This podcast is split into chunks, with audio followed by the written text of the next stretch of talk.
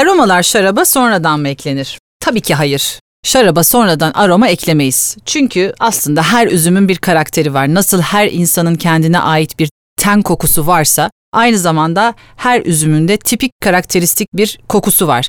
Bu koku üzümün yetiştiği toprağa ve iklim şartlarına ve hatta onu yılın hava şartlarına göre bile ve hatta sizin hasat zamanınıza göre bile farklılık gösterebilir. Ama böyle uç farklılıklardan bahsetmiyoruz. Örneğin erken hasat ettiğiniz bir şardonnay üzümünde daha yeşil üzümler bulurken geç hasat ettiğiniz bir şardonnay üzümünde çok daha tatlı kayısı, şeftali, mango gibi kokulara ya da ananas gibi kokulara rastlayabilirsiniz. Aynı şey sıcak iklim ve soğuk iklim arasında da vardır. Yani siz Şardone üzümünden serin iklimde daha yeşil meyve kokuları alırken sıcak iklimlerde daha tatlı sarı meyve kokuları alabilirsiniz.